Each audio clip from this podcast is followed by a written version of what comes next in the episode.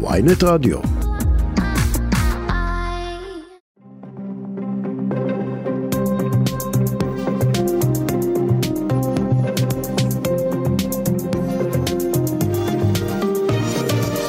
עכשיו בוויינט לייב, שרון קידון ואיתמר אייכנר. בוקר טוב, בוקר טוב, שמונה וארבע דקות. בוקר טוב לאיתמר אייכנר. בוקר טוב, שרון. לצוות שלנו עורכת אס גדות המפיקה יובל כהן, טכנאי שידור נדב ברכה. אנחנו בוקר אה, של יום היסטורי. היום בשעה תשע ישבו בהרכב מלא שופטי בית המשפט העליון בדיון בבג"ץ בעתירה נגד ביטול עילת הסבירות. אה, השופטים בהרכב מלא, אסתר חיות הנשיאה, המשנה עוזי פוגלמן, הנשיא הבא יצחק עמית, נועם סולברג, דפנה ברק ארז, ענת ברון, דוד מינץ, יוסף אלרון, יעל וילנר, עופר גרוסקופ, אלכס שטיין, גילה כנפי אה, שטייניץ, חאלד כבוב, יחיאל מאיר כשר, רות רונן, ויחלו בדיון. ההכרעה צפויה בהמשך ולא היום, למרות שמדובר בדיון של כמה שעות. אה, מחאות אתמול נגד המהפכה המשפטית אה, והגנה על בג"ץ, וגם מאמצים רבים עדיין למתווה פשרה. ואנחנו רוצים לפתוח את הבוקר הזה עם חבר הכנסת אביגדור ליברמן, יושב ראש ישראל ביתנו. שלום לך. בוקר טוב, מקווה שהבוקר באמת ייפתח טוב וגם ההמשך יהיה טוב. אנחנו רואים את ההודעה שמוציא הבוקר סגן ראש הממשלה ושר המשפטים יריב לוין, אה, הודעה די ארוכה בכלל על הסמכות של בית המשפט העליון לדון בעניין, אבל מה שהוא אומר, הדיון בבית המשפט העליון הוא פגיעה אנושה בדמוקרטיה ובמעמד הכנסת. רצינו את ההתייחסות שלך. תראי, לא מדובר ברפורמה, מדובר בניסיון להשתלטות עוינת של הממשלה על בית משפט עליון, על מינוי נשיא בית משפט עליון ועל השתלטות על ועדת הבחירות המרכזית. זה מה שמדובר, זאת המהות. כל הסיפורי על דמוקרטיה, אני מציע קודם כל לחברים בליכוד לקחת ספר של ז'בוטינסקי ולקרוא מה זה ההגדרה של הדמוקרטיה. שלטון הרוב זה לא דמוקרטיה אלא להפך. זה לפי הגדרת ז'בוטינסקי. ומבחינתי אין מנוס אלא לפסול את החוק הזה, אה, כי הממשלה הזאת לא סבירה, הקואליציה לא סבירה. אנחנו שמענו את ההתבטאות האנטישמית, אנטי-ציונית של ישראל אייכלר. מדובר בקואליציה אנטי-ציונית שמממנת דמוגרפיה אנטי-ציונית. תסתכלי בבוקר הזה במה מתעסקים בוועדת הכספים. מקצצים בתקציב לניצולי שואה, לאנשים עם מוגבלות, בבניית הכיתות, ומעבירים את הכספים לישיבות ולגרעינים תורניים. זה מה שהממשלה הזאת, זה מה שהקואליציה הזאת עושה בבוקר הזה. תוך כדי דיון בבית משפט עליון. זה פשוט ביזה של הקופה הציבורית, והקואליציה הזאת היא גם הגיעה לשלטון ברמאות אה, תוך כדי שקרים שהיא הפיצה לציבור. אנחנו זוכרים את נתניהו בתחנת דלק, בסופר, הבטיח להוריד מחירים, מאבק ביוקר דווקא הם מסבסדים את עליות הדלק, זה צריך להגיד, הם סופגים את זה, כן. מה זה סופגים? הדלק עולה כי גם uh, שער הדולר עולה, הרי תסתכלי, הטרלול הזה שקרה תוך שמונה חודשים, כשאני נכנסתי לתפקיד שר האוצר, הגירעון היה 144 מיליארד שקל, קצת יותר. כשיצאתי, השארתי עודף בקופה 10.5 מיליארד שקלים. גם התקציב שהם הגישו, זה מראש היה ברור תרגיל רמאות, כי אמרתי גם אז בדיון, אין שום סיכוי לעמוד ביד הגירעון פחות מאחוז אחד. אתם כנראה לא למדתם לימודי ליבה, לא יודעים אפילו אריתמטיקה, כי המספרים לא מסתדרים. כבר איזושהי חריגה של 30% ביד הגירעון, אז אה, אין להם פה מה להלין, זה באמת פה אה, זעקת הקוזק הנגזל. ניסיון עוין להשתלט על בית משפט עליון, על ועדת בחירות מרכזית, אולי חוק הבא יהיה בכלל לדחות בחירות, אין צורך בבחירות. במדינת ישראל. מה האופוזיציה תעשה אם הממשלה לא תציית להחלטת בג"ץ בהנחה שבג"ץ יפסול את החוק? קודם כל, אה, מזמן לא שמעתי את קולך, מר אייכנר. בוקר טוב. מאז שהיית שר חוץ כנראה. ברוך הבא, ברוך הבא. תודה רבה, תודה רבה. כמו שאתה תמיד אומר, גן עדן. לא, אני אומר, שום דבר טוב לא מאיים עלינו. שינית גישה. כן. אבל תראו, בסופו של דבר הממשלה בכוונה תחילה לקחת אותנו למשבר חוקתי, לתוהו ובוהו כללי, כי נתניהו מניח שתוך כדי האנרכיה ותוהו ובוהו יוכל להיחלץ מכל התסבוכת המשפטית שלו. וכל התמרונים כרגע, כביכול הידברות וניסיונות פשרה, זה הכל אה, מצג שווא לנוכח הפגישה הקרובה עם נשיא ארצות הברית, החלטת מודי'ס וכך הלאה. אבל uh, בסופו של דבר מוסדות המדינה, הצבא, uh, משטרה, שב"כ, מוסד, כולם, אני בטוח, יצייתו להחלטות בית משפט עליון. אין דבר כזה uh, לא לציית, מדינה לא יכולה לא לציית להחלטת בית משפט. ואני עוד פעם מזכיר להם את האמירה הברורה של מנחם בגין, יש שופטים בירושלים, לא תמיד אנחנו מרוצים מהחלטות של בית משפט, אבל אין דרך אחרת אלא לכבד ולקבל את ההחלטה כפי שתתקבל, ואני בטוח שכל המוסדות וראשי מוסדות וגם חלק לא מבוטל מ... אנשי ליכוד, חברי כנסת מטעם הליכוד יכבדו את זה. כש, כשאתה... האם הם, יצר... האם הם יצליחו על הראש של הבית משפט עליון להעביר החלטה אחרת? אני מניח שלא. אם היית יכול לפנות לשופטי בית המשפט העליון אה, בירושלים, אה, כעת, מה היית אומר להם? פניתי אליהם, כבר כתבתי בפייסבוק, בטוויטר, אמרתי בדיוק מה שגם אמרה היועצת המשפטית לממשלה, אין מנוס, חייבים לפסול את החוק לביטול עילת הסבירות, חייבים לפסול את חוק הנבצרות ולהעביר מסר ברור שעדיין השפיות במדינת ישראל קיימת, שיש דין, שיש דיין ויש שופטים בירושלים. זה המסר החשוב של שפיות שחייבים להעביר בכל הטוב ובוהו. תראו, לפני שמונה חודשים היינו במצב אחר לגמרי. פשוט אה, מרסקים פה כל חלקה טובה. תסתכלו מה קורה עם ביטחון האישי. נתניהו בנאום ההכתרה שלו דיבר על המשילות, אה, מאבק בפשיעה, תסתכלו מה קורה. אפילו בפרט כזה כמו תאונות דרכים, מה קורה, אה, מה קורה לשער הדולר, מה קורה בביטחון. יש לנו יישוב חדש שם בגבול הצפון, נבע נסראללה. עכשיו התבשרנו שהאיראנים גם בונים על הגבול מול מטולה שדה תעופה. אה, פשוט הכל פה מתפרק, וגם הממשלה כאילו לקחה יד לסכל, ממש סיכול ממוקד שתי קבוצות, את האנשי הייטק וטייסים. זה פשוט מדובר בסיכול ממוקד של שתי קבוצות אה, מן החשובות ובאמת אה, מיטב בנינו ובנותינו ומנסים לסכל אותם. אתה בקשר עם לא מעט אנשי ליכוד. מה הלך הרוח מאחורי הקלעים? מה אתה שומע מהם על, ה- על המצב?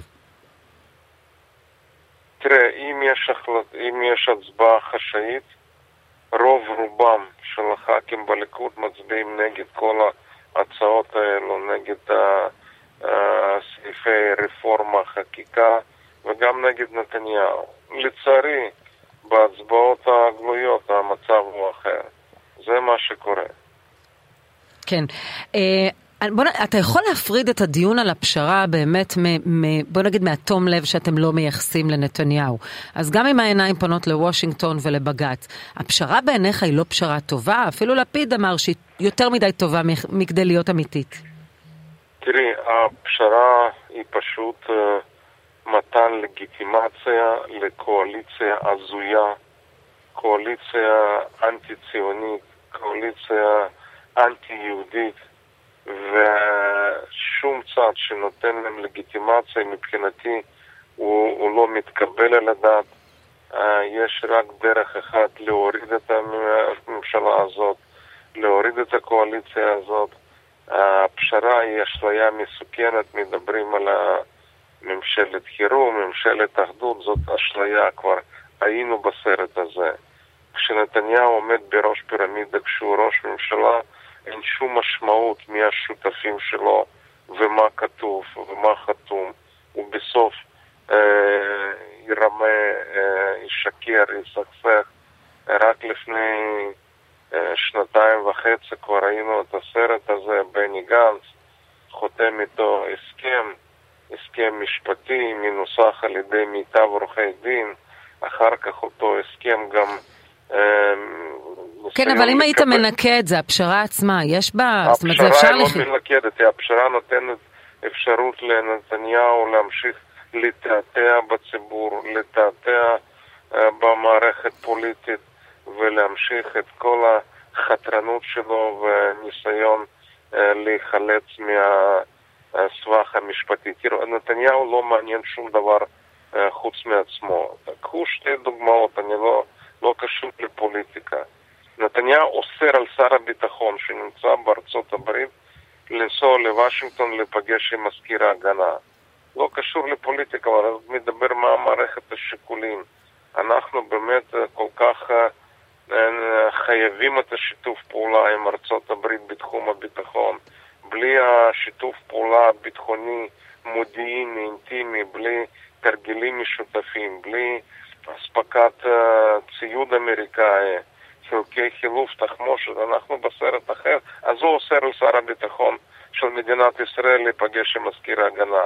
ודבר שני, בן אדם מחזיק וילה בקיסריה, שני בתים בירושלים, והולך פה לוולדוף אסטוריה, שוכר שם סוויטה נשיאותית, לא יודע באיזה עלות, הוא ואשתו.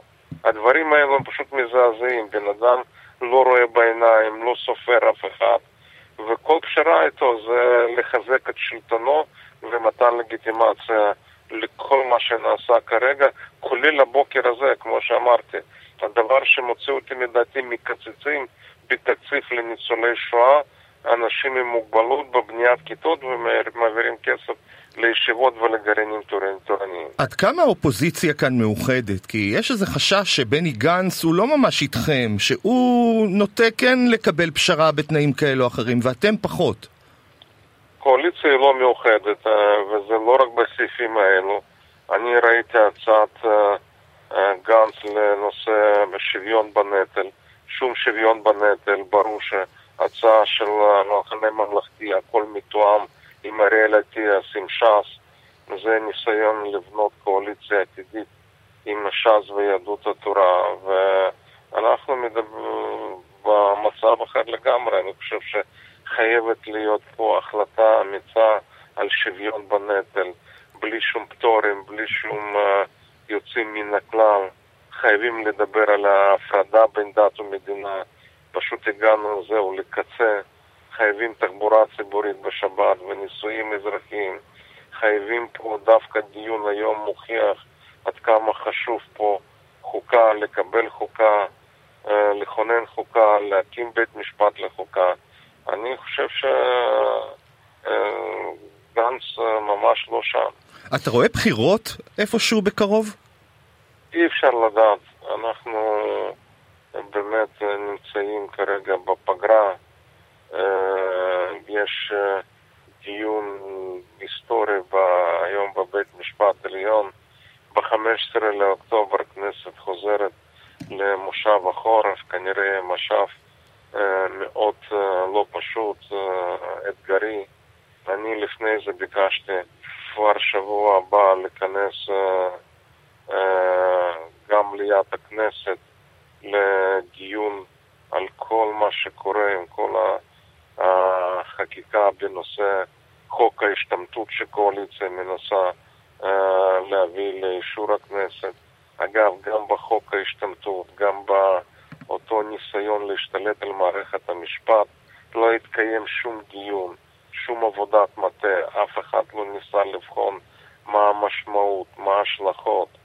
וגם עכשיו הכל זה מתנהל בצורה איומה, בלי שיקול דעת ובלי בלי לקחת בחשבון השלכות מרחיקות לכת על החברה הישראלית, על הביטחון של מדינת ישראל. נניח יעבירו את החוק ההשתמטות. מישהו עשה שיעורי בית, איך זה ישפיע על שיעורי גיוס של שאר האוכלוסייה, איך זה ישפיע על שיעורי התנדבות יחידות מובחרות. כן, וכפי שאמרת, זה יעלה במושב החורף. אנחנו רוצים להודות לך שהיית איתנו הבוקר הזה, יושב ראש ישראל ביתנו, חבר הכנסת אביגדור ליברמן. בוקר טוב, ובתקווה שאכן בג"ץ הולך לפסול את הניסיון הזה להשתלט על בית משפט עליון ועל ועדת הבחירות המרכזית. תודה רבה לך. תודה. אנחנו רוצים להגיד בוקר טוב לשופטת בדימוס ורדה אלשיך, לשעבר סגנית נשיא בית המשפט המחוזי בתל אביב. שלום לך ותודה שאת איתנו. שלום ובוקר טוב. אני חייבת להתייחס בראשית להודעה שמוציא סגן ראש הממשלה ושר המשפטים יריב לוין, ממש אה, לפני פחות משעה. בחלק מההודעה הוא אומר, בית המשפט שופ... ששופטיו בוחרים את עצמם בחדרי חדרים ובלי פרוטוקול, מציב את עצמו מעל הממשלה, מעל הכנסת, מעל העם ומעל החוק. התייחסותך. תראי, אין לי מה להתייחס. זה דבר אה, קשה, לי, קשה לי לשמוע את זה ממי שאמור להיות שר המשפטים, כי זה דברים שנאמרים בחוסר שיקול דעת, אבל הכל נעשה עכשיו מתוך יריות מהמותן, וכן פוגע, לא פוגע. זה, ומצד שני, מה, הוא, מה, מה לדעתו צריך, אה, מה לדעתו של יריב לוין צריך לקרות? צריך לקרות שהממשלה תעמוד מעל לכל הרשויות והיא, אה, זה בעצם הליבה של מה שאנחנו מדברים. מה זה עילת סבירות? אני חושבת שרוב האנשים מדברים עילת סבירות, עילת סבירות ולא יודעים. פירושו שבית משפט לא ידון בסבירות החלטות של הממשלה, של ראש הממשלה ושל השרים. וזה בעיניי זה מילה נרדפת למילה דיקטטורה. זה רק, רק במקומות כאלה. וזה לא נכון שהשופטים בוחרים את עצמם בחדרי חדרים, זה פשוט לא מדויק. עם אה, כל הכבוד לשר המשפטים, אה, בוועדה הזאת יושבים אנשים שהם גם פוליטיקאים, ואני מדגישה את זה, גם פוליטיקאים. יושבים שם שרים, יושבים שם חברי כנסת, אז זה, זה פשוט להטעות ולזרות חול בעיניים. ולומר את זה, זה, זה, זה פשוט נורא לשמוע את זה משר משפטים. אבל האם עילת הסבירות היא מביאה אותנו לדיקטטורה? הרי יש עוד עילות לפסול חוקים בישראל. תראה, עילת הסבירות היא התחלה. הרי אתה צריך, כל דבר מתחילים ממשהו. אתה מתחיל לבנות בניין מאבן ראשונה, ועליה אתה אחר כך מקים את הכל. בוא, בוא, אני רוצה להסב את תשומת לבכם ואת תשומת ליבו של כל אדם, שגם אותם משפטנים שתומכים בביטול, הם לא מתנגדים לעצם השימוש בעילת הסבירות, אלא על אופן השימוש. ולכן כפי שהם, כפי שהם התבטאו, ורבים מהם, על הרחבת השימוש ועל האופן. זה הבדל מהותי, מפני שאין מצב שהחלטות של ממשלה לא יעמדו, ושל שרים לא יעמדו לביקורת. מה זה? מה זה אם לא דיקטטורה? אני אמרתי, אין מי שיבקר את זה. האזרחים ייפגעו. זה לא רק שהם לוקחים לעצמם כוח שלא צריך להיות להם בידיים, אלא זה מצב שבו אין עליהם ביקורת. איש הישר בעיניו יעשה. ואפשר במחשכים, הוא מדבר על בחירת שופטים במחשכים. הממשלה מקבלת במחשכים החלטות והציבור שומע אותם ככה בדרך אגב. אנחנו מדברים כל הזמן על עילת הסבירות ועל כל מיני דברים, ובין היתר, בדרך אה, נחקקו חוקים פוגעניים שאנחנו בקושי שמענו עליהם. זה ככה בדרך. אבל התייחסות לנושא של חוקי יסוד במעמד אחר מאשר חקיקה רגילה, האם ניתן לדון, כי אומר עוד פעם שר המשפטים, עצם הדיון הוא, הוא, הוא, הוא טעות, כי לא דנים בחוקי יסוד. בית המשפט העליון. לא דנים, במדינה שאין בה חוקה, ואין לנו חוקה למגינת הלב, אה, לא יכול להיות ש... מה ההבדל בין חוק יסוד ולא חוק יסוד? זה העובדה שמחליטים שזה חוק יסוד? כשיש חוקה, אז את יודעת, זה חוק שנמצא בתוך החוקה, אז אנחנו מתעסקים איתו. אז אפשר לכל דבר יהיה לקרוא אחר כך או חוק יסוד, או חוק סמי יסוד, או חוק על יד היסוד. אנחנו, בואי, אנחנו אה, במצב ששום דבר לא ברור, ואני לא רואה סיבה שבית המשפט העליון יבוא ויחוף את ראשו ויכניס אותה מתחת לגיליוטינה ויגיד, תורידו לי את הראש, זה בסדר, תהפכו אותי ללא רלוונטי. זה מה שרוצים לעשות, להפוך את בית המשפט העליון ללא רלוונטי. ואוי לנו אם זה יקרה. את, מכירה, את מכירה היטב אה, רבים מהשופטים, אולי את כולם שיושבים היום, אה, אותם כן. חמישה עשר. אפשר לדון בעניין הזה, או אם בכלל צריך, מבלי, מבלי להתייחס למה שקורה מחוץ לאולם בית המשפט, הסערה הציבורית, הציבור, או שבעניין הזה אף אחד לא מנסה להעמיד פנים. מה שקורה מחוץ לכותלי בית המשפט נכנס להיכל. תראי, אה, כבר אמר אה, מישהו שהוא אה, חכם, אולי אפילו היה יותר ממני, לא אולי, אה, יש שופטים בירושלים. השופטים האלה, גם אם הם נבחרים, ואני אומרת את זה במרכאות כפולות ומכופלות, בחדרי ובמחשכים, הם אנשים אה, ישרים, הם, הם משפטנים מהמעלה הראשונה, והם, אה, אני מבטיחה שהם חיים בתוך עמם, אני לא אגיד שלא, והם שומעים את הקולות והם רואים את הדברים, אבל אני לא אגיד שזה מה שישפיע עליהם. מה שישפיע עליהם זה החקיקה, האמת שבה, הדרך שבה זה נחקק. בואו נשים רגע, ככה, ככה מחוקקים חוק? ככה מחוקקים חוק, זורקים אנשים שרוצים להתנגד מהמליאה, לא נותנים לאנשים לדבר. מה זה הדבר הזה? זה כבר, זו כבר דיקטטורה. מה זה לזרוק אנשים? מה זה לומר למישהו, יש לך שתי דקות לדבר? אנחנו הולכים להפוך את, ה, את הקרביים של המדינה. אז לא נותנים לחברי כנסת מהאופוזיציה לדבר? מה זה הדבר הזה? איפה זה נשמע? באיזה מדינות? זה מחשכים. זה מחשכים. זה לבוא ולהגיד למישהו, אתה לא תגיד את מה שיש לך לומר. אני כבר החלטתי, אני כבר אמרתי. אני פשוט, מטוב ליבי ומרוחב ליבי, נותן לך שתיים, שלוש דקות, תגיד מה שיש לך להגיד, זה ממילא לא חשוב. ככה, אנחנו הרי כולנו ראינו את הדיונים. לכן, בית המשפט רואה את הדברים האלה. אני לא מאמינה בשום אופן, גם בהכירי את האנשים, שזה ישפיע על טוהר ההחלטה ועל נכונותה. תראי, זה פעם ראשונה שיושב בית המשפט העליון בהרכב הכי מלא. לגיטימי שלא כולם יראו עין בעין את הדברים, ויכול להיות שזה יהיה ברוב, ויכול להיות אחרת. אני לא, אבל בואו, בית המשפט העליון עוד לא אמר את דברו. אנשים עושים ספקולציות על מה יגידו. אני, זה, זה, זה, אני לא תמימה לומר לך, אחרי שהייתי 36 שנים שופטת, שאתה לא רואה ולא קורא עיתונים, ששופטים מסתגרים. אבל אני לא, זאת לא, זה לא מה שמשפיע על שיקול הדעת המשפטי, על שיקול הדעת של מה נכון, על מה, על מה הגיוני. ויריב לוין, עם כל הכבוד לו, שיחשוב פעם שנייה לפני שמדברים ככה. או, או אני, אני מתייחסת אליו, אבל אני מתייחסת אל עוד חברי אה, קואליציה.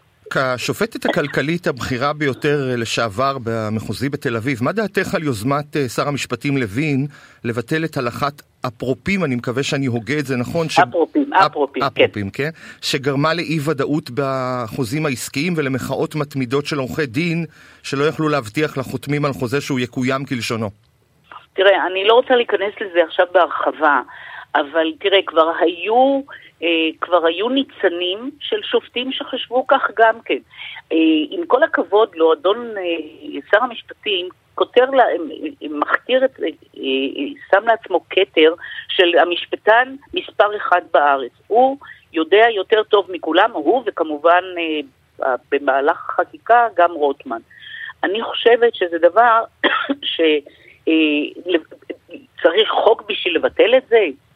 על כל דבר אנחנו נחוקק חוק, זאת דיקטטורה, אלוהית.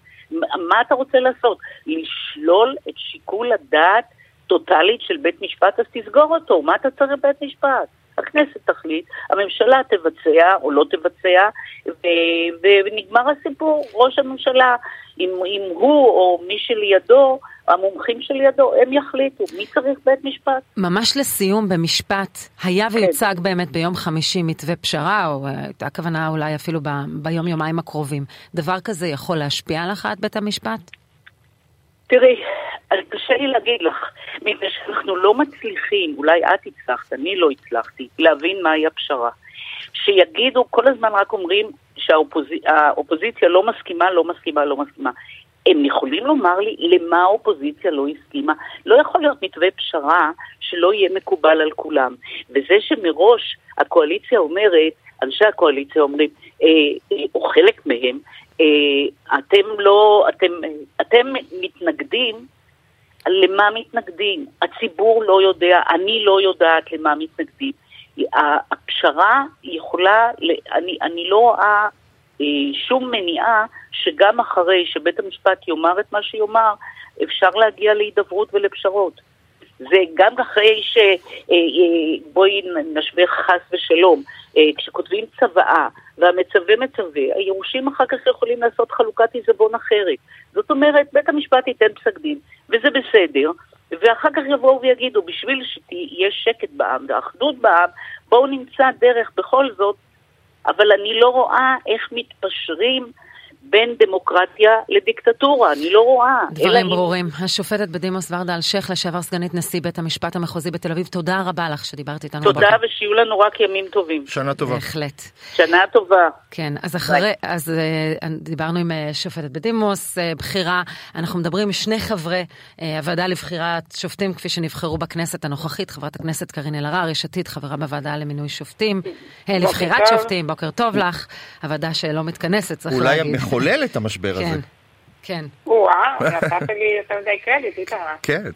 אז בואו נלך לכיוון השני, שמענו דברים מאוד uh, משמעותיים שאמרה כאן uh, השופטת בדימוס ורדה אלשיך, אבל אולי אתם נשארתם מעט מאחור ונלחמים על המלחמה הקודמת, ובעצם, אולי כמו שאומרת טלי גוטליב, זה נגמר. מהפכה משפטית לא תהיה.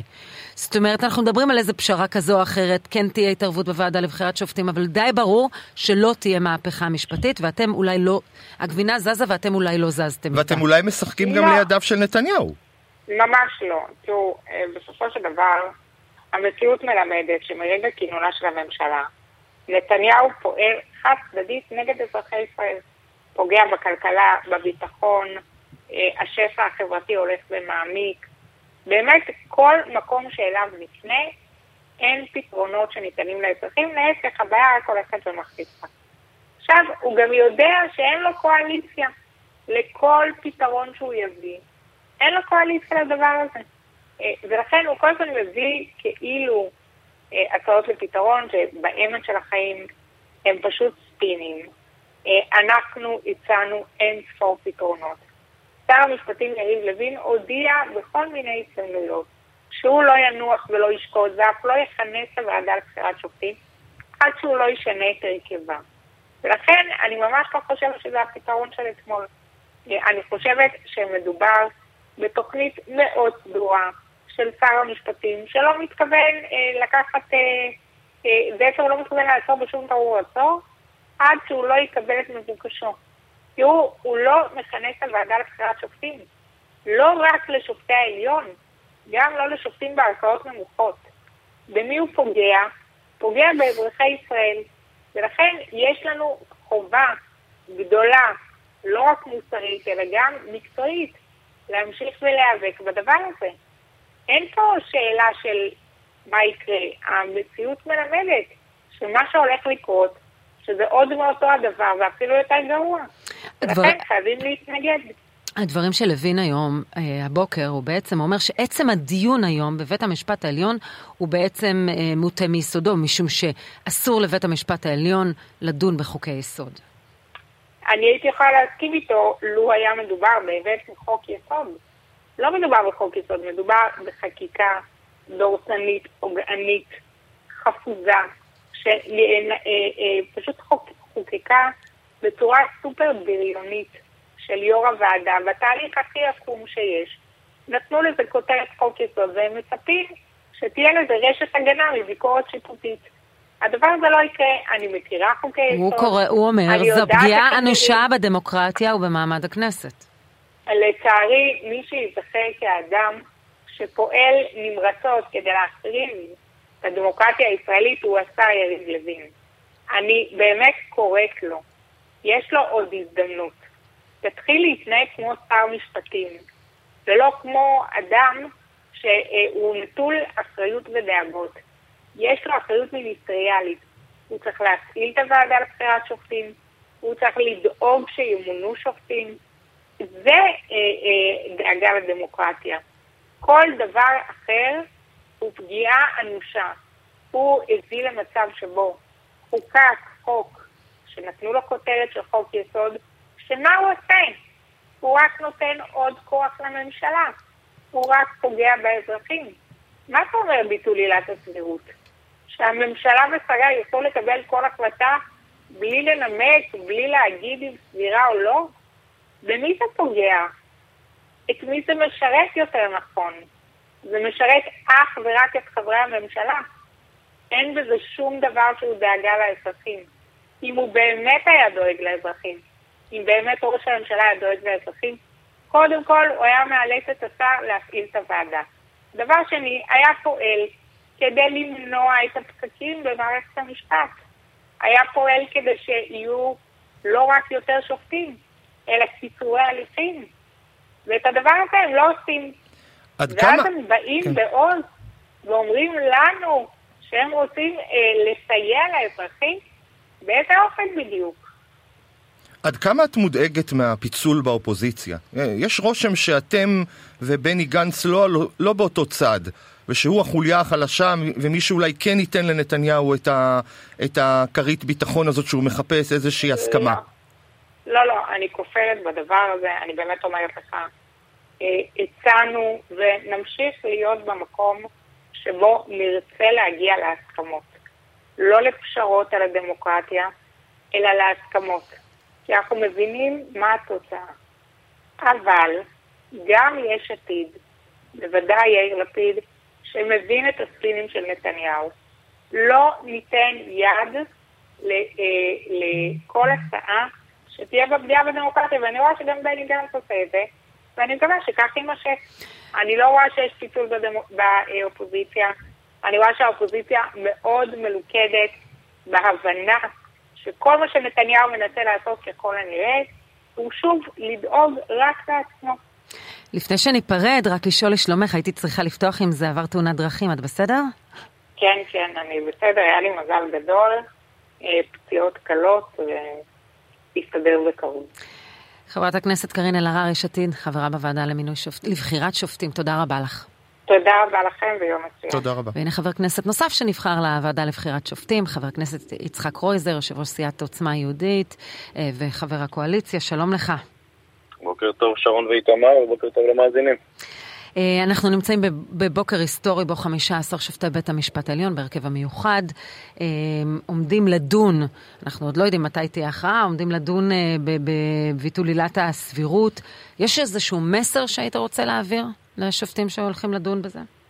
אני חושב שהייתי שמח לראות את ההרכב המורחב הזה ובאמת את נשיאת בית המשפט מודיעים לציבור שאין בידיהם את הסמכות לפסול את חוק היסוד הזה והם רוצים לשמור על הדמוקרטיה בדיוק כמו שאנחנו, האזרחים והממשלה והכנסת, מעוניינים שתהיה לנו כאן דמוקרטיה חזקה וטובה ולכן הם פוסלים עצמם מעצם הדיון הזה בכלל של הניסיון לשנות את כללי המשחק ולהוביל אותנו, לצערי הרב, לאיזושהי דיקטטורה שיפוטית מעין כזו שהם גם יכלו לפסול את, בעצם את החוקה, את חוקי היסוד שיש לנו במדינת ישראל ואנחנו כבר רואים לאן אנחנו הולכים עם חוק הנבצרות, שבו הם גם יחליטו לאזרחי מדינת ישראל מי יכהן להם כראש ממשלה, ולכן אני חושב שיש כאן הזדמנות היסטורית אה, לאותם אה, שופטים נכבדים, אה, באמת להגן על הדמוקרטיה, כי הכדור כרגע נמצא אה, במגרש שלהם. אז מה אתה בעצם אומר, שאם הם יפסלו את החוק, אז, אז בעצם לא תצייתו, לא הכנסת ולא הממשלה?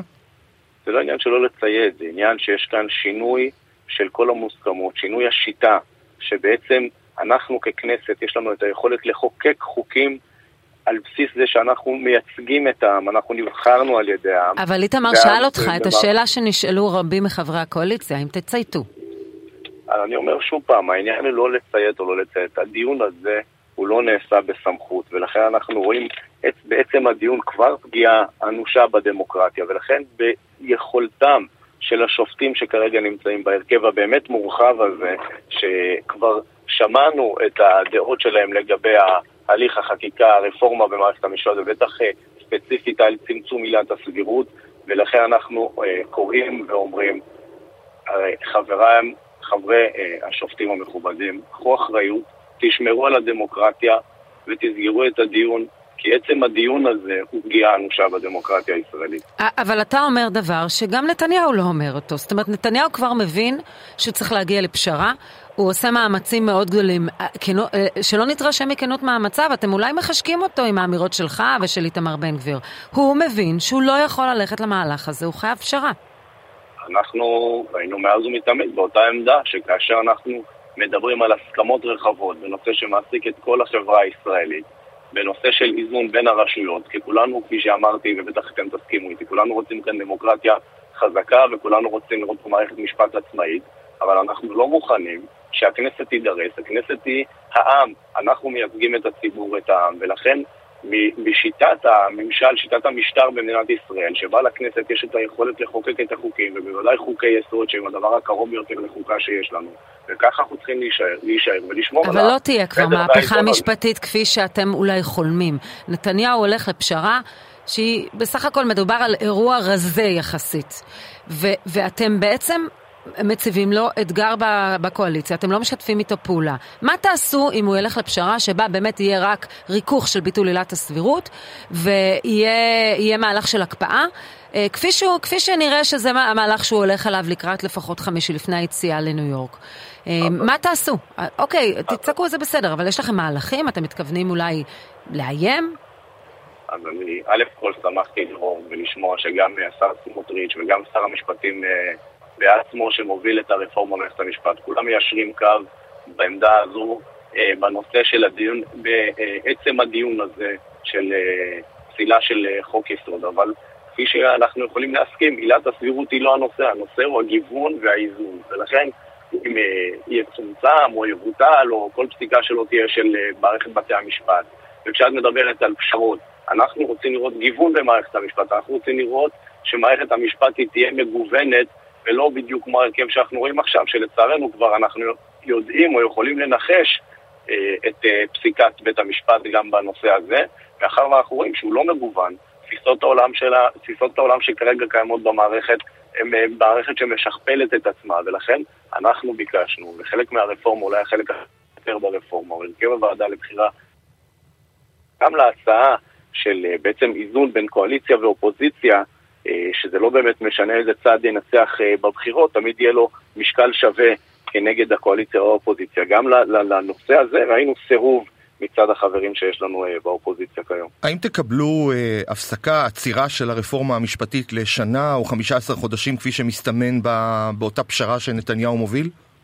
אז אנחנו אמרנו שאנחנו נתנו את ההסכמה לעצירה של הרפורמה לא פעם אחת, אה, כדי שיגיעו להסכמות ולהבנות. אנחנו רואים פעם אחר פעם שלא מדובר פה על לא עילת סבירות ולא על אה, שינוי הרכב הוועדה, מדובר פה על אה, אופוזיציה שלא מוכנה לקבל קואליציה שנבחרה ברוב דמוקרטי ומבצעת מהלכים שרוב הציבור בעדם, רוב הציבור רוצה לראות פה מערכת מאוזנת.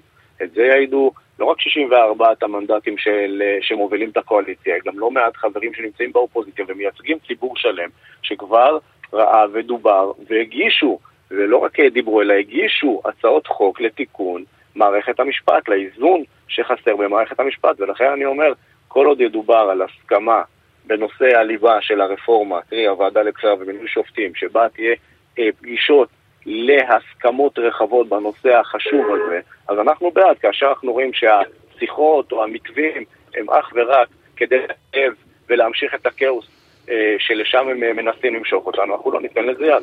וכשאתה שומע את עמיתתך לוועדה לבחירת שופטים, דיברה איתנו הרגע אה, חברת הכנסת קארין אלהרר, מדברת על, ה, על העובדה שיריב לוין לא מכנס את הוועדה, על הסחבת המטורפת, על העובדה שיש עינוי דין לרבים מהאנשים בגלל המחסור. אתה לא מרגיש עם זה כמי שחבר בוועדה לבחירת שופטים ומעוניין להיות חלק במהלך, ה, במהלך המשפטי, אתה לא מוטרד מזה?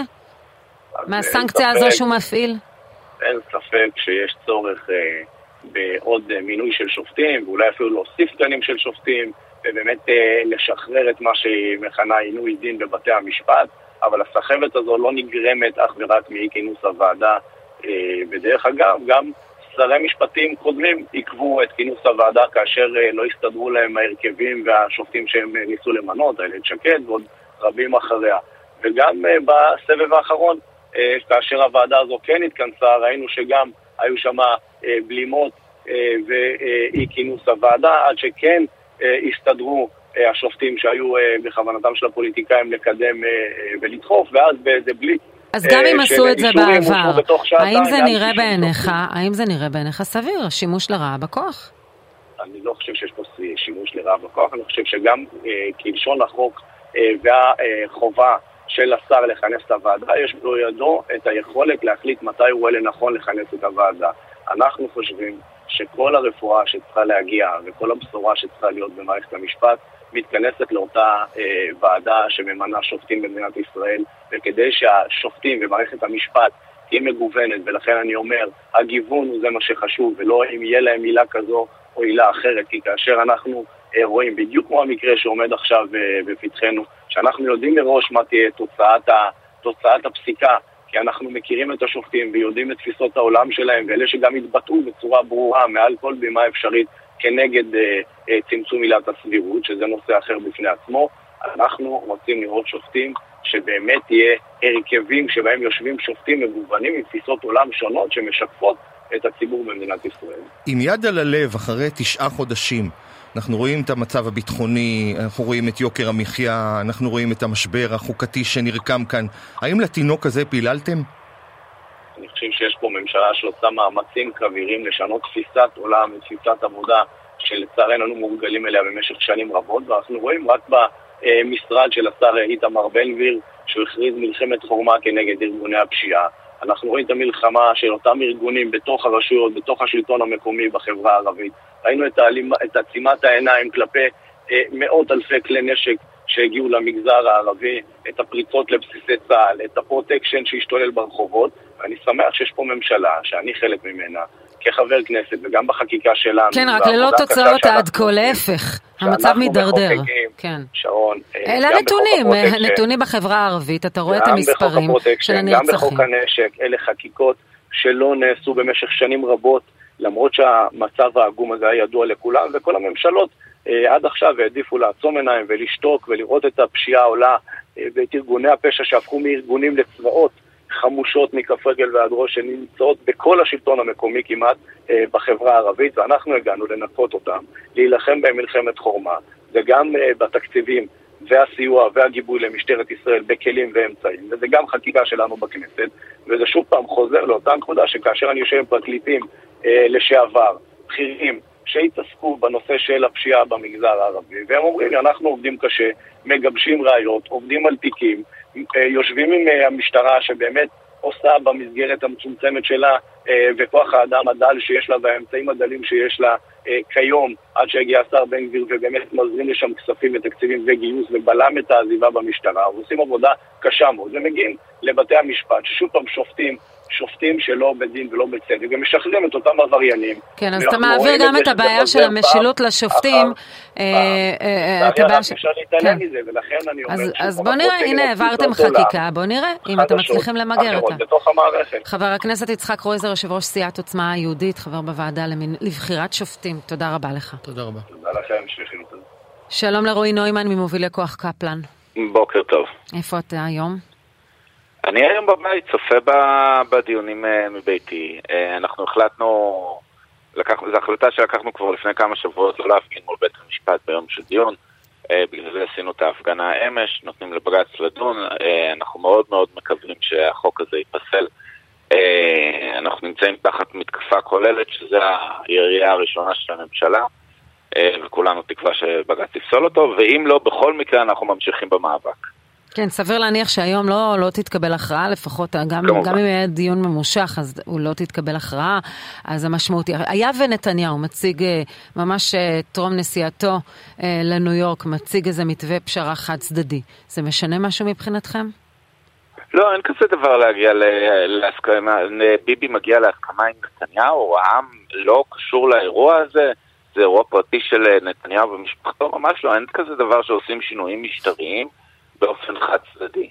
מה שנתניהו מנסה לעשות פה זה לשדר כאילו הוא מתון. לא, אגב, גם את החקיקה הזאת, ממש עברנו את זה לפני מספר חודשים. דיברו על ריכוך חד צדדי ושהביאו נוסחים חדשים בוועדה, ובימים האחרונים לפיד אפילו נכנס למשא ומתן איתם, והם לא רצו להגיע לכלום. מגיע הזמן שאחרי תשעה חודשים נבין את הפואנטה שנתניהו מנסה להפוך את ישראל לדיקטטורה משיחית, זאת התוכנית שלו.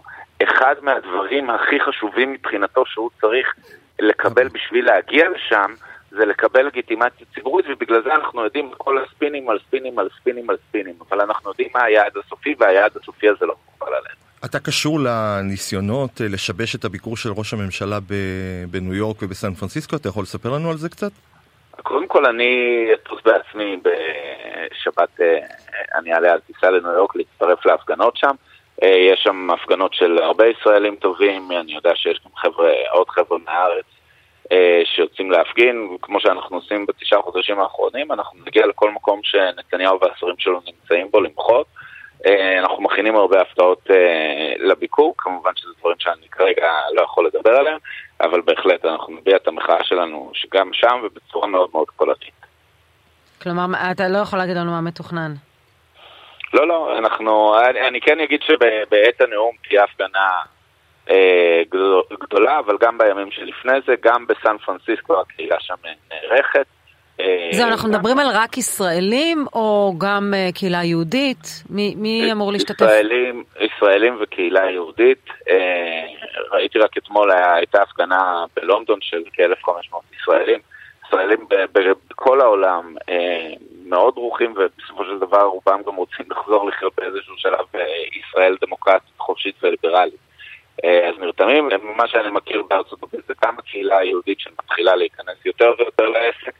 אה, וגם כמובן הישראלים שנמצאים שם בשעות זמן. אבל כשאנחנו מדברים על פשרה, שבסך הכל מדובר עניינית, אם הפשרה אה, היא, היא פשרה טובה, אני בטוחה שרבים סבורים שהיא פשרה טובה. השאלה אם אתם לא עושים אוברקי למחאה. כאשר אתם, היה והוא יציג באמת את מתווה הפשרה, לא משנה, חד צדדי, לא חד צדדי, הסכמה ציבורית, חלקכם דרך אגב ראו את ההצעה הזו, אה, חלק ממובילי המחאה ראו אותה. כל הש... הציבור כבר ראה את ההצעה הזאת, אין פה... אין פה משהו חדש. אנחנו מתחילת הדרך מדברים על הפיכה משטרית ולא על, אה, אה, רק על העניינים המשפטיים, שזה אומר גם החקיקה שנועדה כעת אה, להשתלט על כלי התקשורת אה, ועל הרשות השנייה ולהפוך אותה לרשות פוליטית שיכולה לחלק קנסות למי שהיא רוצה על מה שהיא רוצה. אנחנו מדברים על אה, חוקים לפגיעה בנשים וחוקי דת אה, וחוקים לשינוי הבחירות. להזכירך, יש אה, אה, הצעת חוק של הליכוד, שברגע ש... שאחרי בחירות הקואליציה אוטומטית מקבלת עוד 12 מנדטים בכנסת סתם ככה. אז יש פה חבילה מאוד מאוד גדולה של 225 חוקים. אנחנו לא נגד זה שיגיעו להסכמות ושהאירוע הזה ייגמר. תאמיני לי, גם אני הייתי שמח אה, ללכת לנוח קצת. אבל יש פה חבילת חוקים שכל עוד היא לא נגנזת, התפקיד שלנו זה לצאת ולהילחם בה. בגלל זה מהרגע הראשון אנחנו אומרים, הדבר הנכון לעשות הוא לגנוז את כל חוקי הדיקטטורה, לעצור ואז להיכנס למשא ומתן ולהביא תוכנית חדשה שגם מגינה ומבצרת את הדמוקרטיה כדי לדאוג ש... שלא נהיה במצב הזה עוד שנה-שנתיים. אה, אני רוצה להזכיר לכולם, מה שקרה בפולין זה שניסו בהתחלה להעביר חקיקה, הנשיא לא חתם עליה, המחאה נחלשה למשך שנה ואז פשוט הגיעו בחורף וחוקקו הכל בתוך שנייה ופולין כבר איננה דמוקרטיה. אה, אז אנחנו מאוד חוששים מהמצב הזה ומנסים למנוע אותו. רועי, האם אה, יש הכנות, האם אתה מעורב באיזה שהן אה, הכנות להקמת מפלגה, מפלגת קפלן? לא, לא. זה לא עומד על הפרק? אין הכנות ולא תהיה מפלגה, והדבר היחיד שאנחנו מרוכזים בו זה לדאוג שלא תעבור חקיקה שתדאג שהבחירות הבאות כבר לא יהיו רלוונטיות. יש סיבה למה ארדואן בטורקיה ואורבן בהונגריה זוכים בבחירות אחרי בחירות, כי הם הרסו את כל המנגנונים העוטפים שדואגים שיהיו בחירות חופשיות. אז יש שם כאילו בחירות, ואם אנחנו לא נהיה עם העיניים על הכדור, זה בדיוק, אבל בדיוק מה שיקרה בישראל. יהיו פה בחירות לכאורה, הקלפי ייראה אותו קלפי, אבל כבר לא תהיה תקשורת חופשית שתוכל לסקר תוך כדי והקהל בבית לא יוכל לקבל אינפורמציה, והוא לא יכול לעשות בחירה מושכלת. אז העיניים שלנו על זה שיהיו קודם בחירות. רועי נוימן ממובילי כוח קפלן, תודה רבה לך. תודה רבה, בוקר טוב. תודה.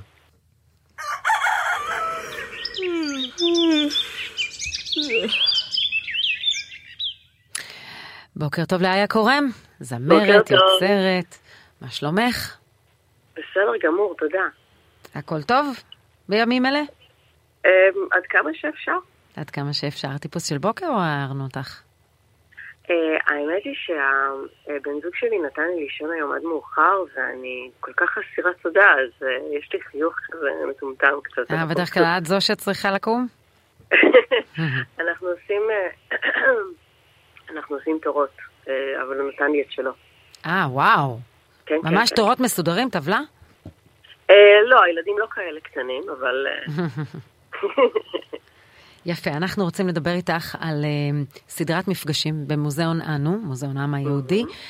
איך נשים פורצות דרך. והסיפור שלך הוא מעניין כי למרות שאת אומנית, עסקת גם, דיברנו על מערכת המשפט וזה זה, את עשית איזה מהלך אישי שהיה מיועד לשרת אותך, אבל עשית בכל זאת מהלך תקדימי משפטי. ואת מביאה אותו אה. לאירוע הזה. כן, ה- אמ,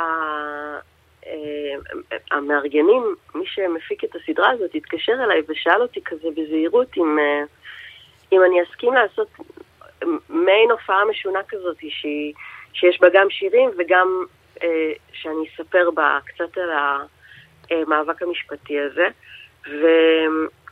והסכמתי בשמחה כי אני מרגישה שהסיפור הזה הוא, הוא, הוא חשוב בימים אלה.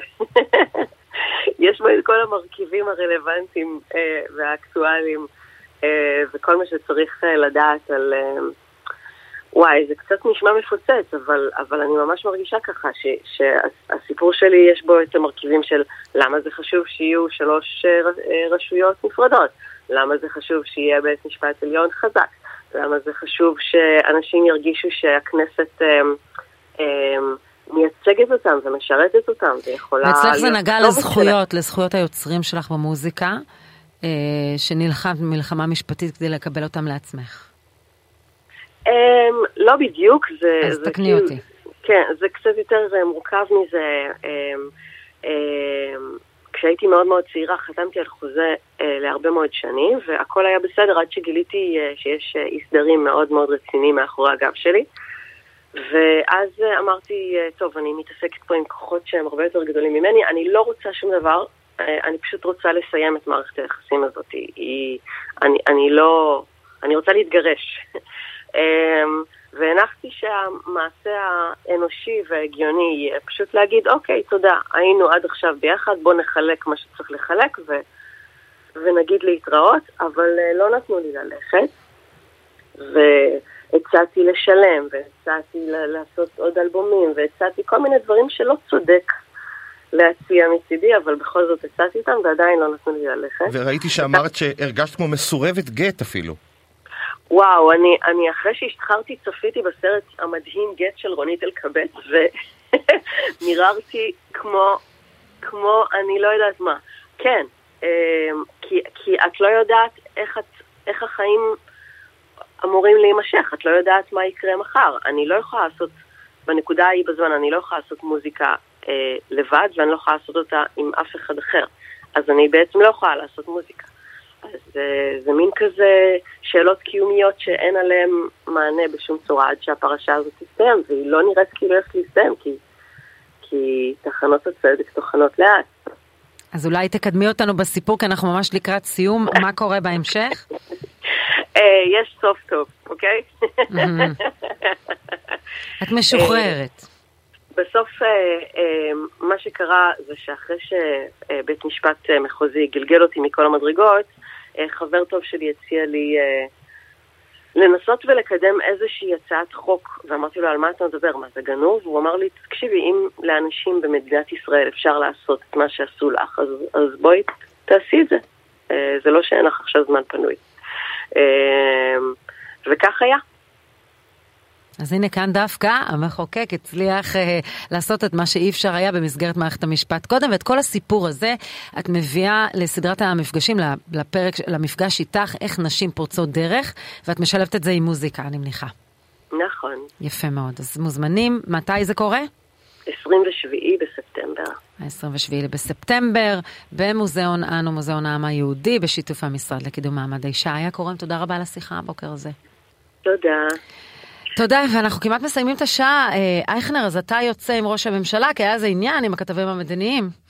כן, אה, יצא דף נסיעה כמו לפני כל נסיעה של ראש הממשלה, ובפעם הראשונה ב- בהיסטוריה הם הודיעו, רבותיי, אתם, אנחנו ניקח אתכם לארצות הברית, אבל אנחנו לא נחזיר אתכם לארצות הברית.